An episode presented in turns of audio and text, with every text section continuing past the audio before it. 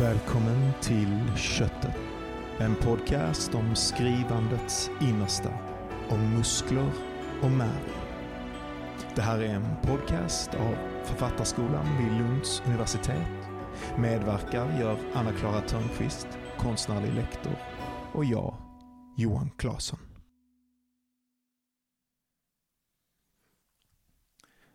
Välkomna till veckans avsnitt av Köttet.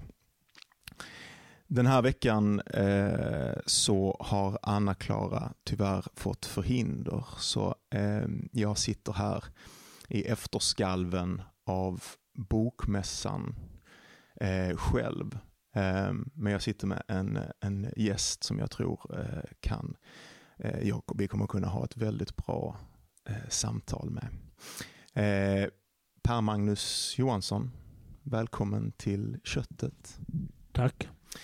Per-Magnus är psykolog, eh, psykoterapeut eh, och kanske skulle man kunna säga Sveriges mest beryktade psykoanalytiker.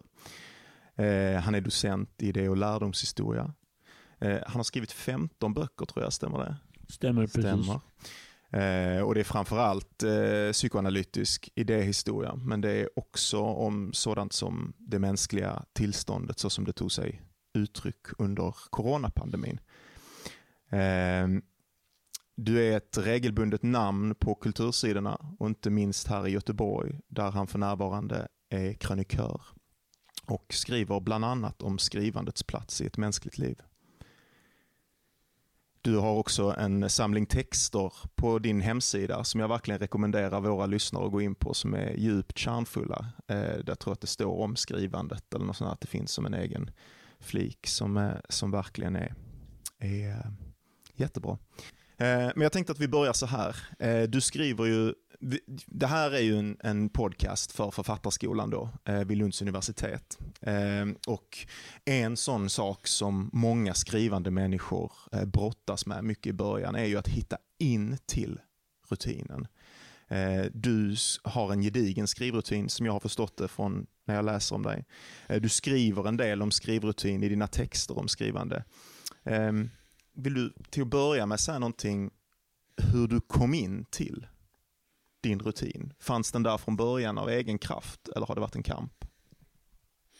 Nej, den fanns inte där från början. Eh, utan vad jag tror fanns från början var en stark lust att läsa och att det var viktigt för mig att läsa och att det fanns ett antal författare som blev eh, mycket angelägna för mig personligen. Och eh, till exempel Gunnar Ekelöf, eh, till mm. exempel August Strindberg, Sigmund Freud, eh, sedermera Jacques Lacan eh, och eh, Erik Lindegren, för poeten, Karl Wennberg eh, och sedermera också olika historiker.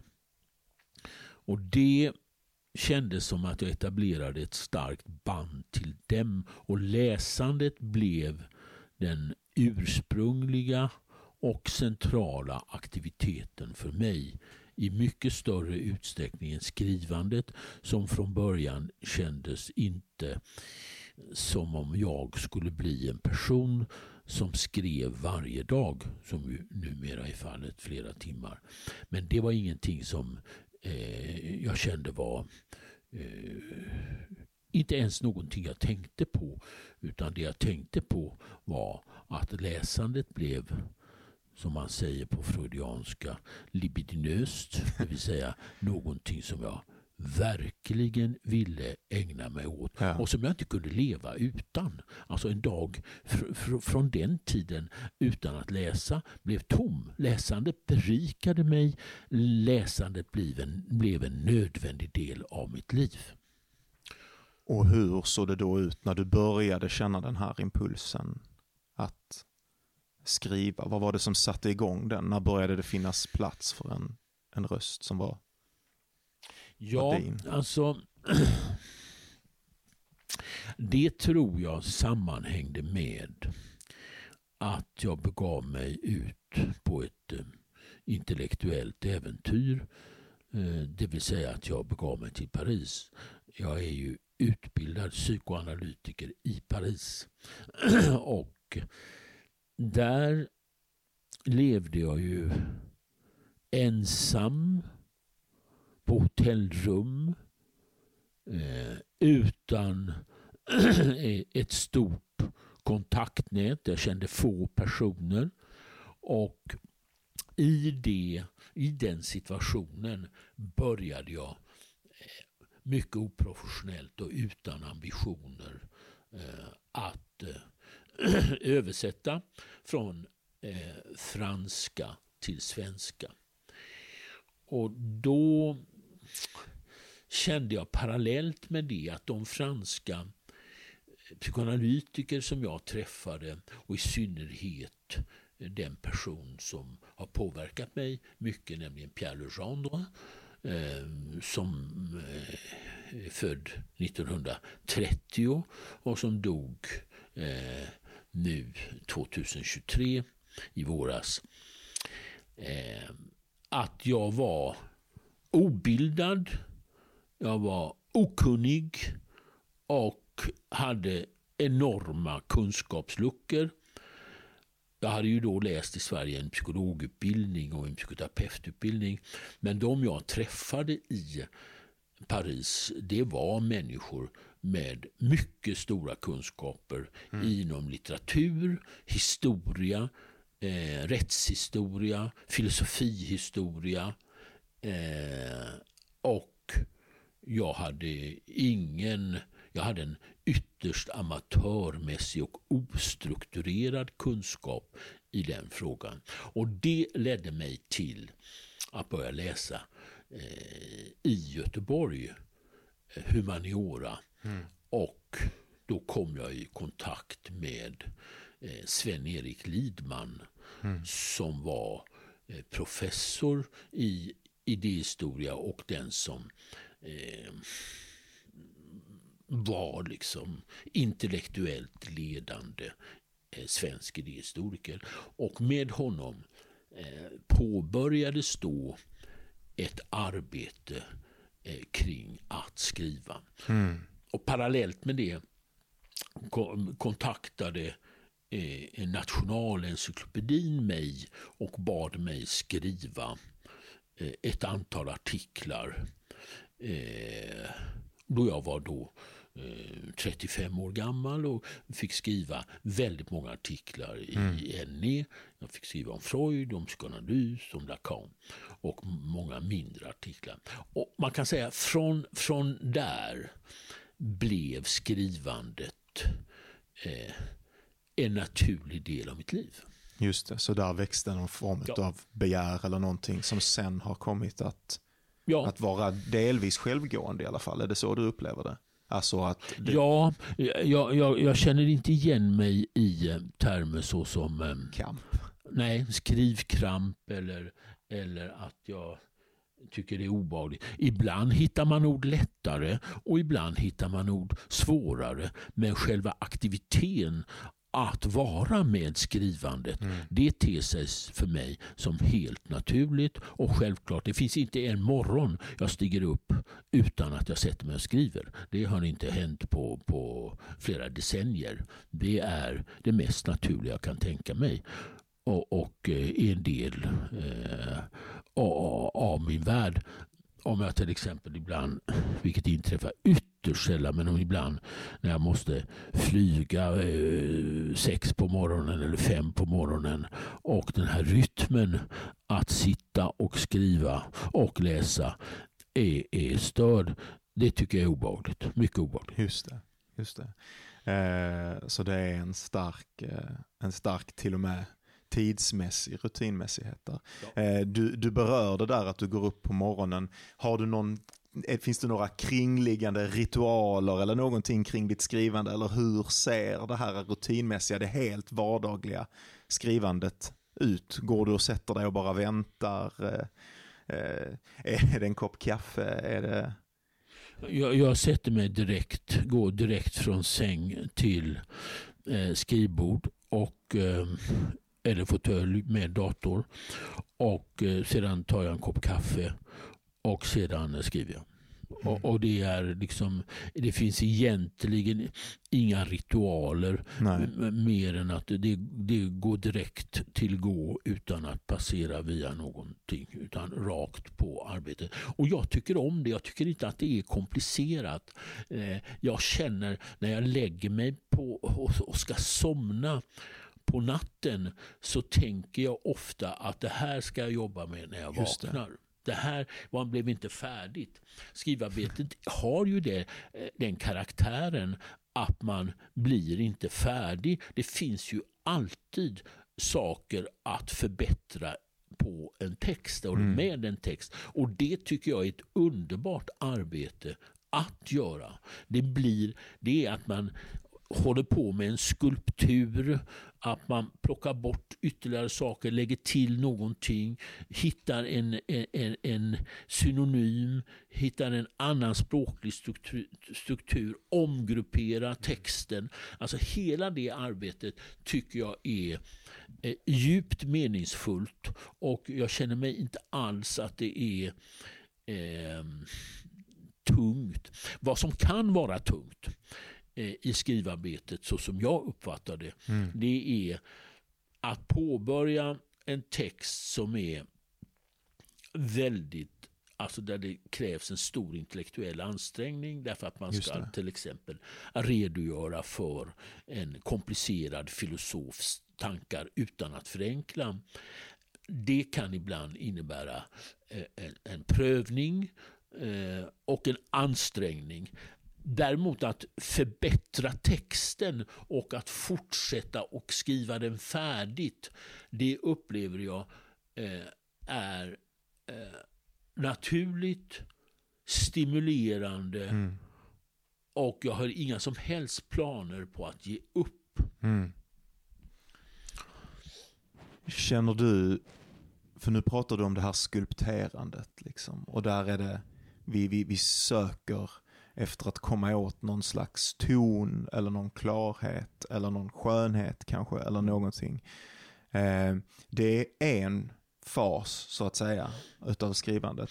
Eh, en annan är eh, att komma in till känslan. Som jag kanske börjar där, är det någonsin svårt att hitta in till en känsla i det fall du skriver om någonting där det är angeläget. Om du ska skriva om någonting mänskligt, om du ska redovisa för någon, någonting i det, det mänskliga tillståndet eller i din egen smärta eller någonting sånt där. Är det alltid omedelbart att orden hittar in dit genast? Och i så fall, hur hittar du till känslan? Det är klart att det finns eh, olika faser i ett skrivande. Och jag tror att en av de viktigaste frågorna det är att det som man skriver om uppriktigt och sant är angeläget. Att det för mig är angeläget. Mm. När, när jag skrev till exempel min doktorsavhandling i idé och lärdomshistoria som handlar om psykoanalysens historia i Stockholm Mm. så var det ju så att jag var utbildad i Paris. Och jag var djupt intresserad av vad har skett i Stockholm med psykoanalysens historia och kanske på en omedveten nivå. Varför vände jag mig inte till den psykoanalytiska utbildningen i Stockholm utan valde Paris? Och Mm. det, Även om inte det var naturligtvis inte mitt avhandlingsämne utan avhandlingsämnet var ju psykoanalysens historia. Men med det vill jag ha sagt att när man är drabbad uppriktigt av en fråga som är ens egen mm. så finns det en motor närvarande i själva arbetet. Om vi går till någonting långt senare som jag eh, eh, skrev, eh, som jag publicerade 2000 Eh, 23, alltså i år, min relativt stora bok om eh, corona och pandemin som ju är, på 400 sidor. Där kände jag att här är någonting som sker i vårt samhälle och det är någonting som drabbar oss som jag aldrig hade varit med om överhuvudtaget. Inte ens varit i närheten av mm. att erfara. Och då blev det naturligt och självklart att jag vill skriva igenom denna för mig väsentliga och omskakande period som var min. Mm. Och då kände jag också att i det arbetet drog jag ju in flera andra människor, inte minst eh, en eh, specialist i allmänmedicin som heter Christer Andersson. Han och jag förde ju ett samtal kring från olika aspekter eh, vad som skedde i vårt samhälle. Även om det var jag som, som naturligtvis skrev boken. Men det blev också eh, Alltså jag blev ett begärsobjekt. Alltså med det vill jag sagt att jag tror att man måste verkligen ställa sig frågan, är detta någonting som berör mig i djupet av mig själv? Eller skriver jag av andra motiv? Just det. Just det, det är skillnaden på ett begär som ligger i texten eller som ligger i någon föreställning om vad texten eller jag som producent mm. av texten eller någonting skulle kunna vara. Absolut. Jag läste någonstans i förberedelse inför den här intervjun att du har, eh, jag tror de använder begreppet skrivlya i eh, Paris. Eh, och jag läste också en text bland dina texter om att skriva som rörde hur staden påverkar en och hur man själv och ens eget vara och verkande i staden skriver in sig i gatorna och sådär på ett sätt som, som, som sen eh, gör någonting med ens vistelse där. Eh, hur gör platsen sitt inträde i ditt skrivande, alltså platsen där du skriver? Och är det skillnad på att skriva på i Paris eller här i Göteborg? Eh, det där romantiska skimret, tillför det någonting eller stör det någonting ibland? Eh, etc. Du får ta vilken ingväg du vill i den frågan. Ja, alltså jag skulle kunna säga eh, två, tre olika saker om det. På ett sätt bor jag alltid i Paris och på ett sätt när jag är i Paris så är jag framförallt där som skrivande subjekt. Och Det betyder att den här jag tror att skrivandet mår bra av att man försätter sig Eh, i någon form av exiltillvaro. Alltså på något vis rycker upp sig från sina vanor och sina rötter och är närvarande i ett läsarbete, tankearbete och skrivarbete. Jag har ju varit regelbundet i Paris eh, på mm, Mm. alltså tillsammans med intellektuella som jag har träffat och haft olika samtal och olika utbyten med eh, sedan 1979. Så det är ju snart, det är snart 44 år. Så det är en del mm, av mig och en del av min historia. Och um, mm, Det är också ett naturligt element i mitt liv. Det man kan ju, vi, vi blir alla, vi människor, störda utav olika saker. Eh, en det ena och en det andra kan man bli störd av. Det finns en av de få saker jag själv blir störd av. Det är att höra människor prata om eh, Paris på någon form av ytligt och upp eh, exalterat sätt. Eh, som någon, någon, Paris är, mm, det är inte bara som Walter Benjamin säger 1800-talets huvudstad. Det är, en, det är ett intellektuellt centrum eh, sedan ett antal sekel. Och eh, den idéhistoria som jag är intresserad av, den filosofihistoria som jag är intresserad av och den psykoanalyshistoria som jag är intresserad av, den har sitt centrum i Paris. Och det är anledningen till att jag är i Paris, inte något annat skäl. Och eh, det är eh, djupt meningsfullt. Eh, mm, det finns eh, ingen bättre eller vackrare stad att vara i. Och för att ta in den här frågan igen då, för jag vet ju att du har, du har bott där ganska länge. Eh, och du har ju bevisligen en stark kärlek till den stan och du säger där att du, du skriver alltid på ett sätt ifrån, ifrån Paris. Eh, men men är, är det någon skillnad då när du väl kommer hit? Är det någonting som går förlorat? Eller det är, du, du kan bära staden så pass mycket inom dig att... att uh... Ja, det tycker jag. Mm. Och i, eh, i Göteborg skriver jag eh, varje dag. Eh, och jag är i den värld som ju också är den konstitueras ju av att det finns en yttre värld, att det finns ett läsande och mm. att det finns ett skrivande. Och, och de tre sakerna eh, hänger ihop. Eh, och eh, det är med mig. Jag är ur en synpunkt eh, inte geografiskt känslig. Okay.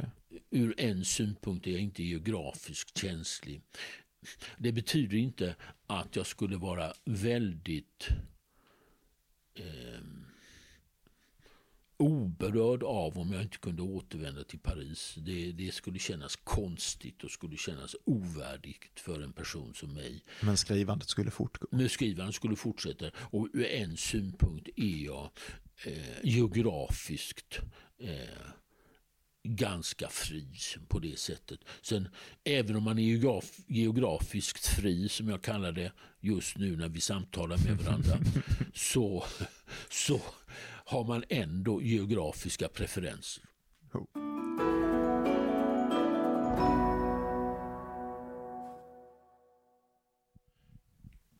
alltså det, det, finns ju en, en fråga kring läs, läsandet och skrivandet som ju är, som jag uppfattar det, central och som eventuellt är hotat i vårt samhälle. Det, det, är väl svårt att säga, men jag tror att det eventuellt kan vara så.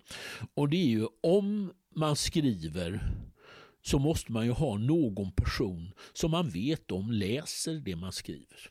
Man kan ju inte självupptaget inbillar sig att folk läser fast de kanske inte gör det. Och jag utvecklade och fick möjligheten eh, i eh, mm, när jag började att skriva inom traditionen idéhistoria att eh, min handledare Sven-Erik Lidman han märkte jag läste i detalj det jag skrev. Det blev liksom ordentligt genomläst, diskuterat och som Nietzsche påstod, man behöver åtminstone en person som läser det man skriver. Och med det vill jag ha sagt att man skriver både för en konkret person, en person som man ju har både ett yttre och inre eh, samtal med. Och så skriver man också av naturliga skäl för någonting som är större än den konkreta personen som gör att man får eh, en starkt inre motiv att skriva det som man på franska kallar Le Grand Autre, den store andre. Och det upplever jag att jag har haft med mig eh, i mitt skrivande liv. Jag skriver ju eh, mm, av eh, naturliga skäl mestadels på svenska. Men jag skriver också på franska och har skrivit mm, 2022 har jag publicerat ett antal artiklar på franska som är skrivna på franska. Och även där måste man ha någon person som i detalj läser det man skriver så att man får någon form av eh, samtal. Ibland verkligt, förhoppningsvis, men ibland också inbillat i betydelsen att det finns någonting inom en själv som gör att det här samtalet reproduceras. Och på det sättet har jag, även om det är eh, inte lika mm, Alltså det är en ojämlikhet men jag har också eh, av skilda skäl ett franskt liv och ett svenskt liv. Och de tror jag, det faktum att det är så eh, förstärker mitt behov av att försöka skriva. Ja, du berör, du berör många eh, spännande grejer där. Vi har ju också, i och med att vi eh, sysslar med skriv pedagogik så pratar vi ju mycket om hur det där det samtalet ska gå till, i vilket eh, en text möter en läsare och förhoppningsvis en text också. För det, det har jag sett att du, du skriver mycket om. Eh, möter någon form av Eh, det är någon form av erkännande, det är någon form av överbryggande av ensamheten som är skrivandets anslag. Eh, vill du säga någonting om, om, om dina tankar kring vikten av ensamheten och vikten, precis det som du är inne på där, av att kasta över någonting till alltså, den andra? Skrivandet förutsätter accepterandet av en form av eh, existentiell ensamhet. Men jag skulle vilja säga att accepterandet av den existentiella ensamheten är också det som möjliggör ett möte med en annan person, ett annat författarskap, en annan verklighet. Så Det finns en dialektik mellan Mm. Eh, den ensamhet som konstituerar den skrivande människans värld med möjligheten att överskrida den ensamheten. Varför talet kommer till överhuvudtaget i princip? Absolut. Mm. Absolut. Och um, Alltså det, det, jag, jag höll en föreläsning för inte så länge sedan, en vecka sedan i, i Stockholm på ABF-huset om eh, August Strindbergs eh, roman eller kortroman Ensam och ensamhetens problematik. Och, alltså det finns ju ingen människa som inte möter ensamheten. Frågan är vad man gör av ensamheten. Eh, övergivenheten är ju en del av människans villkor. Eh, och eh, övergivenheten kan eh, få eh, destruktiva och förödande konsekvenser för en enskild. Men det kan också göra någonting möjligt som aldrig skulle blivit möjligt om man inte eh, accepterade, tog sig an övergivenheten.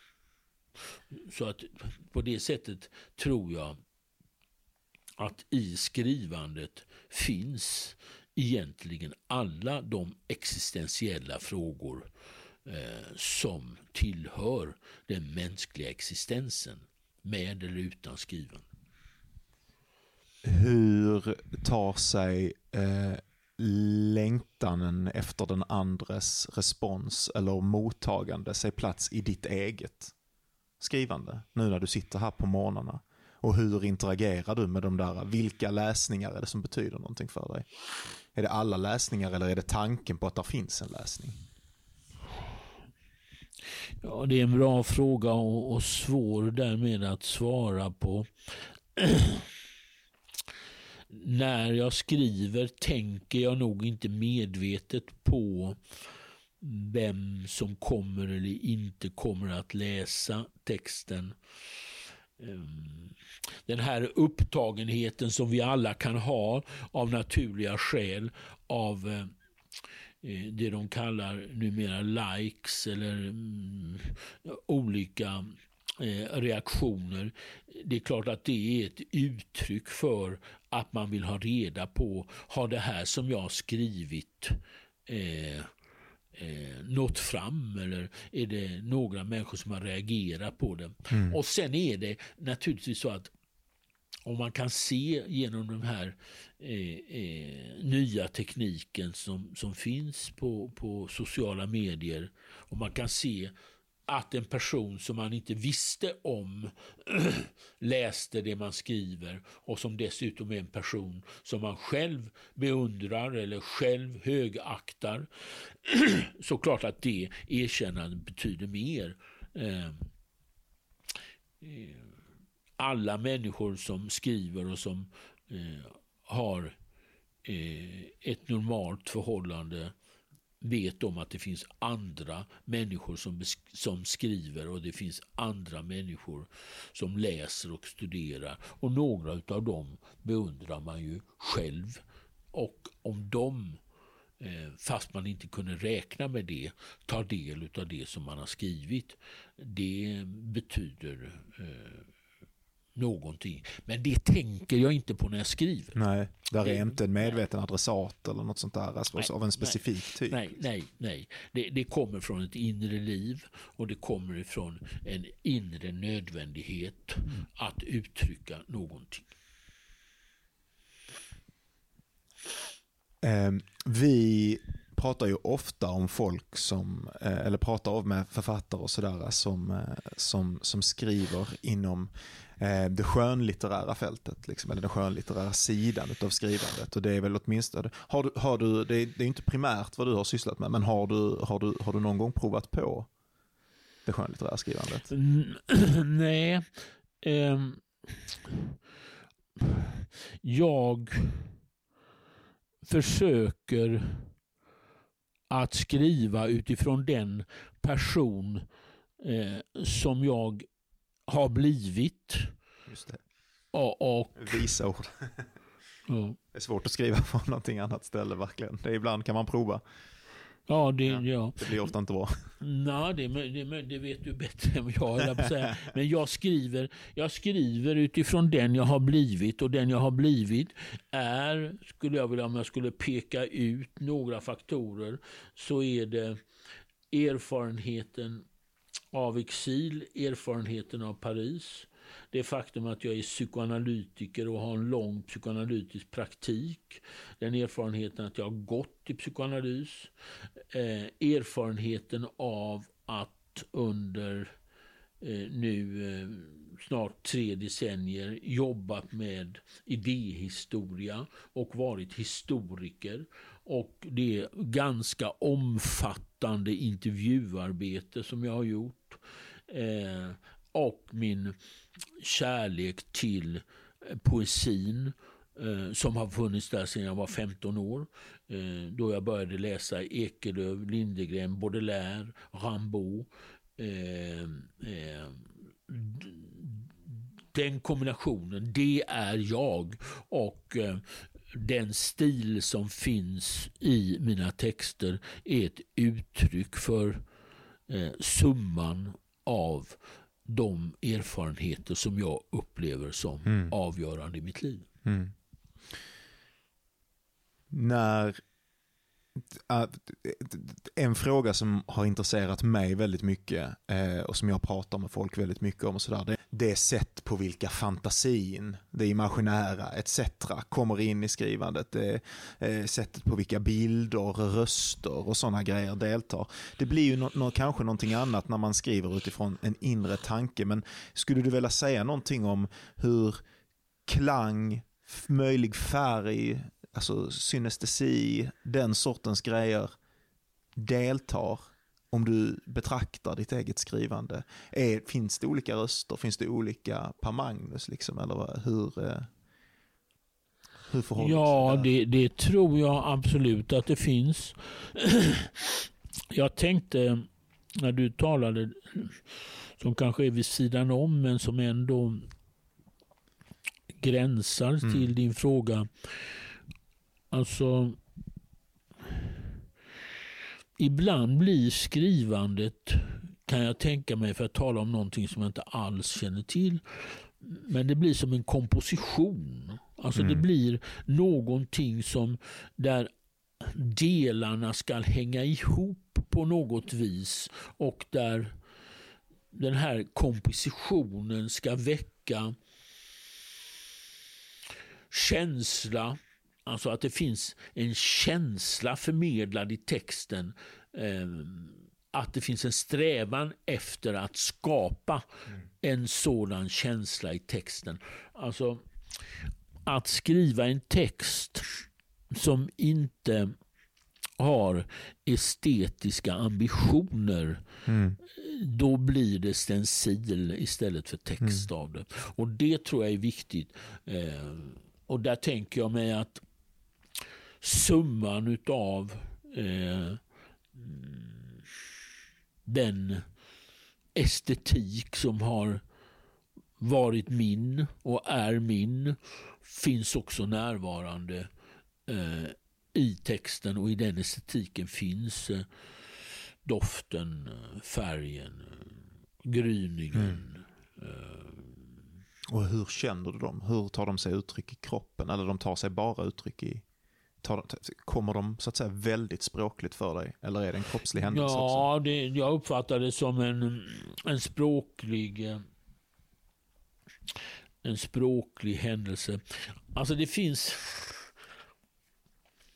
Skrivandet för mig också, har också en annan aspekt och det, det, det förmodar jag är, är problematiskt i förhållande till tiden.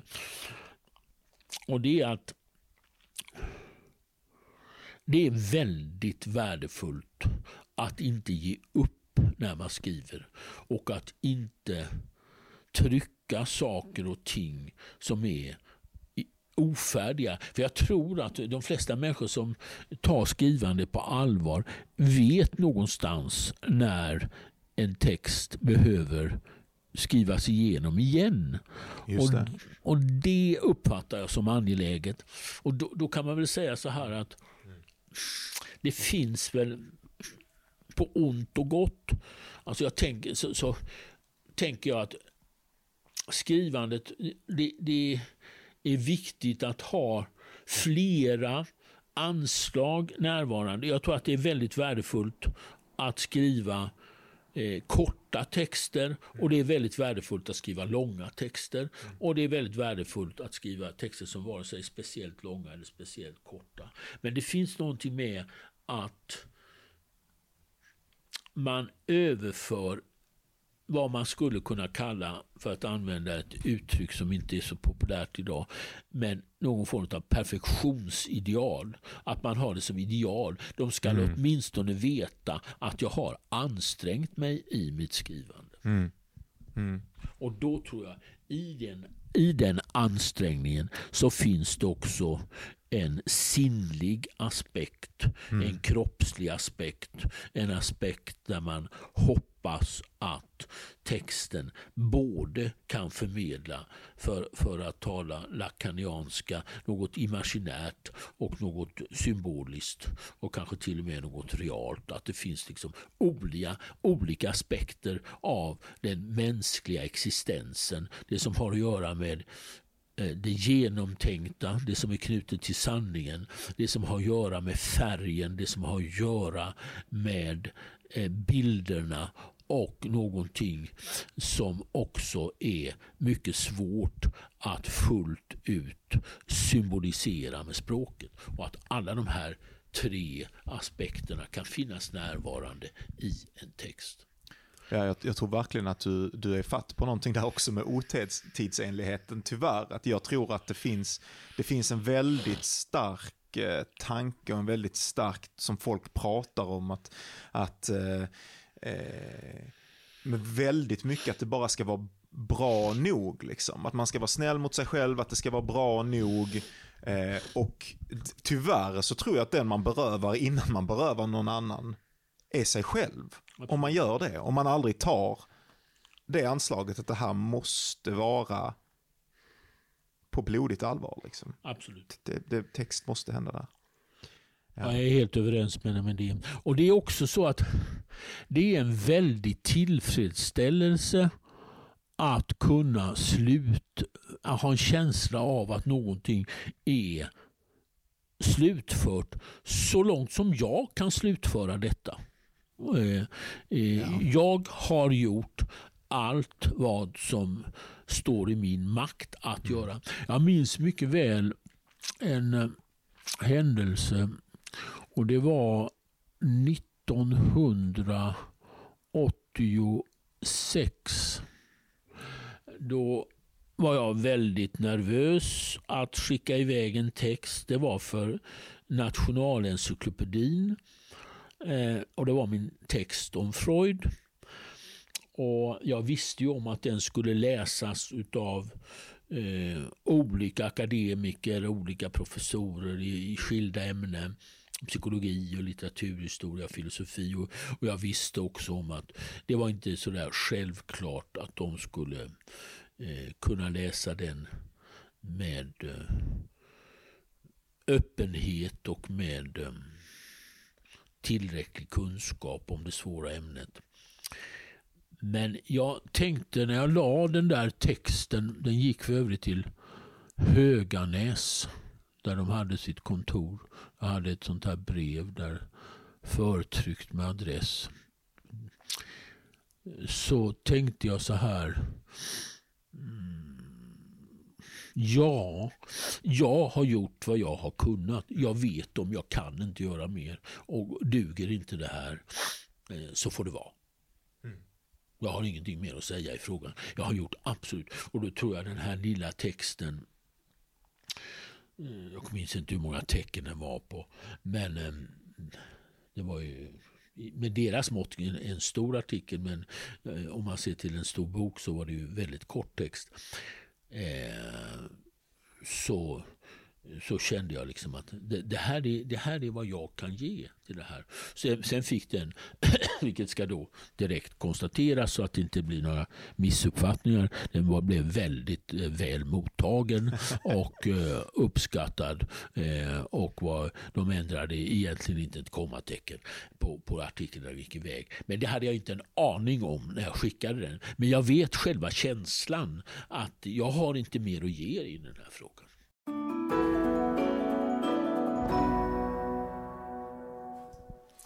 Eh, som psykolog och psykoanalytiker eh, så har du ju eh, tillägnat ditt liv eh, också i din eh, idé och lärdomshistoria inriktning eller som idévetare kring, eh, vad ska man säga, lyssnandets situation och lyssnandet som en praktik och sådär. Hur eh, kommer lyssnandet in i skrivandet? Ja, det är ju en bra fråga. Eh,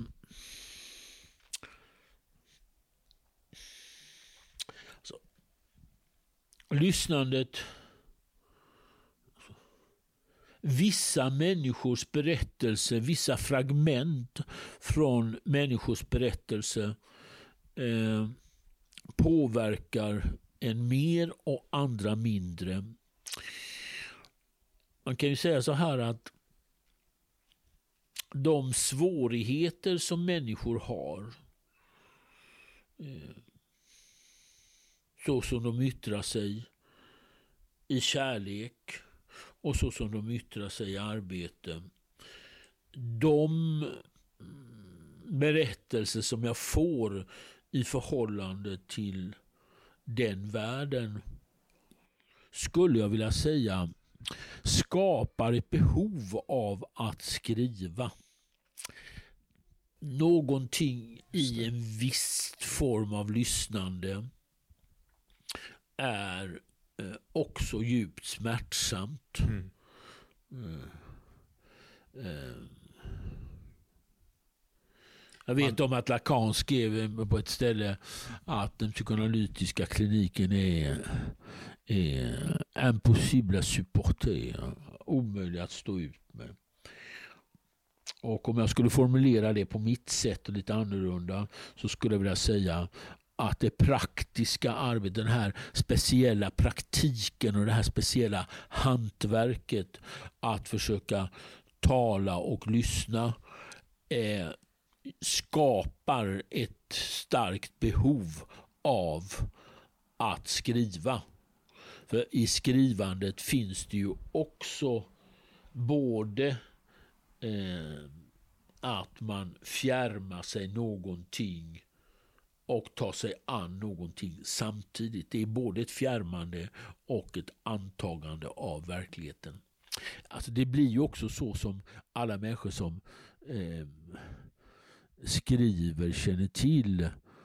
Um, om jag skriver väldigt noggrant och skriver om för sjuttionde gången en text och om jag skriver, låt oss säga att jag skriver om våldet i Sverige och skjutningarna Eh, som i nästa krönika i GP på, om en vecka kommer att handla om.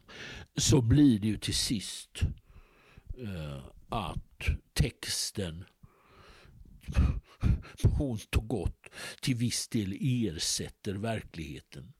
Den kommer ju ifrån verkligheten men den blir också ett speciellt objekt. Eh, som får prioritet, skulle jag vilja säga, i förhållande till verkligheten. Visst. Och tala och lyssna med människors tillkortakommanden i arbetsliv och i kärleksliv skapar ett behov av att det inte ska eh, sätta sig eh, i kroppen och sätta sig eh, som en osymboliserad verklighet samtidigt som den driver fram en stark önskan att vilja uttrycka sig. Och i förhållande till dig själv, upplever du någonsin att det är ett lyssnande där? Många beskriver ju att texten kommer någon annanstans ifrån. Eller någonting sånt. Eller är det alltid ett väldigt aktivt görande från din sida? Ja, det tycker jag nog. Ibland vet man ju inte alltid varför någonting eh, blir på det sättet man, som det blir. Men jag tänkte på en annan sak. Det finns ju i den... Alltså om man förenklar något. Eh, alltså kring Sigmund Freud så är det ju alldeles glasklart en sak och det är att man överdriver lite, lite men eller nej, jag ska inte överdriva alls. Jag ska säga exakt som det är. Det är det allra bästa. Det är alltid det allra bästa. Freud lyssnade regelbundet på patienter. Men det fanns inte en dag utan han inte skrev. Skrivandet var absolut komplementärt i förhållande till den psykoanalytiska praktiken. En person som jag också känner väl till som, som eh, är, eh, Jacques Lacan var inte konstituerad på det sättet. Han var läsande och förberedde seminarium och var en oratör och var inte författare på det sätt som Freud var. Och, och Jag tror ändå att den här lidandets praktik kräver någon, om man ska överleva där på ett rimligt sätt, kräver också skrivandet och läsandet. Att man får lämna den världen i själva läsandet och skrivandet. Och den person som jag själv har arbetat med och som jag tidigare nämnde, Pierre Legendre, han var främst eh, akademiker, författare, historiker, rättshistoriker och i andra hand psykoanalytiker. Han hade ett fåtal analysander och ett fåtal som han handledde och en av de få var jag själv. Men jag tror också att den erfarenheten indirekt, utan att jag har tänkt på det. Alltså, man kan inte göra en sak när man skriver och man kan inte göra en sak eh, när man praktiserar psykoanalys. Och det är att imitera, alltså ja, medvetet imitera en annan person. Alltså att leka Strindberg Eh, det blir patetiskt och det blir konstigt och att leka Freud blir patetiskt och konstigt. Man har en specifik röst som är en själv och det är den rösten, den personen, det tänkandet, den kroppen som måste komma till uttryck i texten. Jag tror inte på eh, den typ av stereotyper och karikatyrer på andra människor som man imiterar. Och då kommer det en, en stor möjlig sista fråga som man kan gå in på på många sätt. Men för många som skriver så är det ju, då rör man sig i det här i, i bör, när man är tidigt i sitt skrivande, i början, i, i imitationens värld. Man letar efter någonting som är ens eget, man letar efter någonting som är angeläget. Hur gör man för att säga sanningen? Eller för att skriva sanningen? Alltså, jag, jag tror att man ska ställa sig några uppriktiga frågor kring sig själv. Eh, vad, vad vill jag skriva om och vad är anledningen till att jag vill skriva? Och att man på något vis tänker att den frågan är viktig i förhållande till mitt skrivande. Alltså det finns, och jag tycker inte att det behöver vara så, så svårt att nå. Vi människor lever ju i brist. Det finns en brist i våra liv. Och att igenkänna den bristen som kan vara ett motiv för skrivandet, det, det tror jag är viktigt. Och sedan varför måste någonting bli sagt för mig? Ja, precis. Var, varför behöver jag säga detta? Varför är det viktigt för mig att mm. säga detta? Var, vad är det som, som gör att detta är angeläget för mig? Och att man känner den frågan. Man behöver inte teoretisera eller, eller eh, känna sig redovisningsskyldig, men att man också är känslig. Känslig inför sig själv, sin historia och den värld som man lever i. Och då tror jag att det, det är eh, någonting som möjliggör eh, ett eh, autentiskt skrivande. Och sen tror jag jag, jag tror man skulle säga någonting som man skulle kunna problematisera kanske. Men om jag åtminstone talar för mig själv jag skulle aldrig ha skrivit om jag inte hade träffat skrivande människor. Nej. Det tror jag inte på. tror inte. Och man känner igen människor eh, som har ett förhållande till skrivandet. Det går inte att liksom dölja. Jag var uppe eh, och gjorde en intervju med en person i Stockholm, PC Jersild. Och vi talade om en gemensam referens som vi hade som heter Per-Henrik Törngren. Han är övrigt som staty här. Som var en mycket framstående läkare i Stockholm född 1908 och som dog 1965. Han var översatt till Thomas Mann och han skrev eh, några böcker. Jag märkte när eh, P.C. Jersild och jag pratade med varandra att eh, Per-Henrik Törngren var både en faktisk person som hade levt och som P.C. Jersild hade träffat uppe på Kungsklippan och Kungsholmen i Stockholm och som jag aldrig hade träffat. Eh, däremot hade jag träffat hans son Erland Törngren som numera är död. Som var bokförläggare. Men jag märkte också när vi pratade om Per-Henrik Törngren. Det var både en faktisk figur och en figur som vi delade som också nästan hade litterära konnotationer. Och det, det tror jag är viktigt att man har någon känsla för den här världen. Att man, skri, man skriver inte bara verkligheten utan det man skriver blir också verkligheten. Och med de orden så tackar jag dig Per Magnus för att du har pratat med mig idag. Och eh, tack till alla ni som har lyssnat. Tack säger jag för att jag har fått möjlighet att prata om mitt skrivande och jag är glad och tacksam över det.